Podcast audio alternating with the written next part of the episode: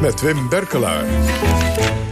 Ja, je hebt weer een stapel boeken mee, Wim. Um, maar als Hitlerkenner uh, is het je vast ook niet ontgaan. Deze week kwam een Duits boek uit.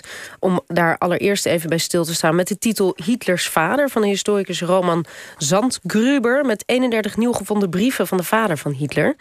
Um, werpen die brieven nou en het boek uh, een nieuw licht op de jeugdjaren van Hitler? Nou, dat is natuurlijk een vraag die uh, iedereen op de lippen brandt. Omdat je denkt, ja, als. Kijk, van die vader weten we eigenlijk niet zoveel. Dus wat, dat... wat, wisten we wel? Nou, we wisten natuurlijk, hij was douanebeambte in Braunau im waar Hitler geboren is. We wisten ook, het is een, uh, een man die uh, vrijwel dagelijks in een café zat.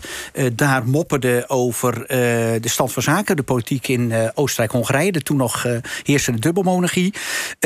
we weten dat hij een tiran was in huis. Dat hij vele vrouwen heeft gehad. Die vrouwen die vaak eerst als huishouden kwamen. dan zwanger van hem raakten. Dan trouwde hij ermee. Dat ging toen nog zo. Hitler is een van die producten daarvan, zo maar zo te zeggen. Uh, en dat Hitler rebelleerde tegen zijn vader... en daar toch ook in mijn kamp van heeft gezegd... ik respecteerde mijn vader, maar dat was een respect, Laura... vanwege een zekere angst. En ik hield van mijn moeder. Mm. Nou ja, dat, dat weten we. Maar wat die Roman Zandgruber, een beroemd hoogleraar sociaal-economische geschiedenis in Oostenrijk, nu, um, dat hoopten wij. In dat, je hoopt in zo'n boek dat hij een paar raadsels oplost. En een van die raadsels is: wie was de grootvader van Hitler? De missing link. De missing link, ja. dat weten we niet. En daar is, omdat Hitler zo'n felle uh, jodenhater was, is er ook gespeculeerd: had hij misschien een Joodse grootvader? Is dat ooit uh, is, is daar die haat van ontstaan. Nou, dat is waarschijnlijk niet zo. Uh, die brieven zeggen daar niks over. Die brieven zeggen daar niks over. En dat zegt die Zandkroeber ook wel eerlijk. Die zegt ook, ja, ik, ik probeer het, maar ik kan er geen antwoord op geven. En tweede is natuurlijk, hij is geboren als zoon van Marie, Maria Anna Schickelgruber. Sandgruber, Chico Gruber, die namen in Oostenrijk vinden. Uh, maar die vader is natuurlijk onbekend gebleven. En dan uh, uh, rond de 40ste levensjaar van vader Hitler... neemt vader Hitler, die dus aanvankelijk als Chico Gruber... als zoon van die moeder het leven gaat... neemt de naam Hitler aan. Hitler, Hitler, dat zijn allemaal namen die daar veel voorkomen. Hitler nog met IED. En dat verandert hij zelf in Hitler. En de vraag is dan, hoe zit dat? En, en er zijn twee broers... Uh, de een uh, trouwt met die Marianne. Dat is dus die Hitler. Maar de vraag is, is die Hitler de vader of is zijn broer de vader van de vader van Hitler? Ja, het is een beetje ingewikkeld. Ja, maar, ik ben je nu al een beetje kwijt. Maar, maar ligt, dan, ja. ja. het is ook ingewikkeld. Maar, Jos, ik vertel het ingewikkeld. Ja. ja, krijg je nou ook nog gewoon meer beeld, meer inkleuring... van hoe dat gezin in elkaar zat? Of is dat... Uh, nee, hij schrijft weinig over het gezin. Die 31 brieven, dat is echt uh, brieven over die vader. En als je die, als je die brieven dan leest, dan krijg je de indruk van die vader dat het een zelfgenoegzaam, zelf ingenomen was. Uh, ingenomen man was met een overmatig zelfvertrouwen, dominant karakter. Alles wat ik nu zeg, denk even aan de jonge Adolf. Die eigenlijk nooit gezegd, eh, altijd gezegd... ik wilde geen ambtenaar worden, zoals mijn vader. Het leek altijd net alsof Hitler deed. Eh, mijn vader was zo, maar ik ben mijn eigen weg gegaan. Maar als je die brieven leest, denk je... nou, als ik die latere dictator zo zie optreden en heersen... dan, dan zit daar toch wel veel van die vader in. Zonder dat die vader echt veel over die zoon schrijft in die Maar het is een aardje en zijn vaartje, is wat jij denkt. Juist. En even voor de helderheid, die brieven van die vader... gaan over hemzelf, de vader, of gaan die over de vader van de vader? Ik bedoel, aan wie waren die eigenlijk geschreven? Die waren geschreven aan collega's collega's. Uh, en dan moppert hij weer over andere collega's. Dus uh, de douanebeambte, die schreef en die... Nou, zo, zo Juist, en daar ontstaat het beeld van eindelijk wel een hele eigenzinnige, nare, licht dictatoriale man. Exact, exact. Goed, je hebt um, nu uh, nog een aantal andere boeken mee. Um, we beginnen met De Dochters van Jalta. Ja, dat is een ik kan wel, ik moet in keer zeggen, jongens, dat is een geweldig boek. Ik weet niet wat dat is. Dit is een Amerikaanse historica, Catherine Grace Katz. Uh, dat boek dat gaat over Jalta, februari 1945. Dat is de beroemde conferentie van Roosevelt, Churchill en Stalin... waarin het gaat, wat doen we met Europa na het verslaan van Hitler. Hitler is nog niet verslagen. Ligt wel natuurlijk op zijn, op, uh, met de pootjes in de lucht, maar hij is er nog. Maar het wordt geschreven vanuit drie dochters. En dat is geweldig. Die dochters, dat zijn namelijk Sarah Churchill... Uh, Anne Roosevelt en uh, Katie Harriman. Die laatste verdient enige toelichting. Averell Harriman, haar vader, was de rijkste Amerikaan destijds... en was een zeer beroemd diplomaat. Heel oud geworden, was onder meer diploma, uh, ambassadeur in Moskou. Heel invloedrijk man, aanvankelijk ook op Roosevelt. Maar wat, wat dit boek laat zien is, het, la, het schrijft, beschrijft de conferentie van Jalta... Maar het beschrijft ook de rol van vaders en dochters. Dus je bent dochter. Uh, dus uh, de meeste van ons, althans de twee tegenover mij, zijn moeder, respectievelijk vader. Ehm, de, dit, dit dus je weet hoe het kan gaan, ouders en kinderen. Dit schrijft dus en de grote geschiedenis en de kleine geschiedenis. Hoe het is om te leven als dochter, ook nog als dochter van zulke vaders. Maar is het dan ook zo dat ik denk even aan mijn eigen. Daar ga ik verder niet over uitweiden. Maar als ik iets doe waarvan ik denk dat vindt mijn dochter vast niet goed, dan denk ik drie keer na voor ik het doe. Um, is dat dan ook zo geweest dat bijvoorbeeld Churchill dacht of Roosevelt, nou ja, toch maar niet uh, dit en dit voorstellen bij die conferentie, want dat vindt mijn dochter niet leuk? Dat wisselt. Dat is een goede, goede vraag. Dat wisselt. Dat kan ik, dat ik inkleuren. Kijk, uh, Winston Churchill luisterde heel erg naar Sarah. Dus die Sarah was, was zijn jongste dochter, of ene jongste dochter, en daar luisterde hij altijd heel goed naar. Maar uh, Roosevelt die nam uh, op eerdere conferenties nooit uh, zijn enige dochter mee, maar altijd de zoons. Dus die dochter was heel erg bezig om in de gunst van die vader te komen. Voortdurend bezig, ziet hij me wel. Hij zag haar niet. En de derde, Harryman, dat is echt de meest internationale... omdat ze dochter van die vader was, die diplomaat die de hele wereld rondging. Dat was eigenlijk degene met het meeste zelfvertrouwen. Dus het, het wisselt dus. Maar bij, Sarah Churchill lijkt misschien op Tobia Palm en Jos Palm. Wim, laat jij je dat dochter had je niet moeten zeggen. Uh, wat wou je zeggen? Nou, ik ben benieuwd of jij je dochter ook dan de uitzending laat recenseren. Zij doet dat uit vrije wil wel eens. okay. En dat, dat eindigt nooit goed voor mij. Um, maar dan nou, houden we erover op. Um, volgende boek, Wim, kort. Het volgende boek dat is geschreven door een socioloog, Peter Klerks. Die werkt bij de politieacademie. Uh, is ooit kraken geweest, zag ik op internet. Dat boek heet Door leugens verleid. En dan, let op, dit is dus een deels historisch boek en deels wil het ook een actualistisch boek zijn. De ondertitel luidt namelijk Hoe je fake news en andere vormen van manipulatie herkent en bestrijdt. Dus het is een actueel boek. Het gaat natuurlijk over Trump, uh, het nepnieuws. Het gaat over MH17. He, je hebt uh, in Nederland een, een, journalist, Max van der Werf.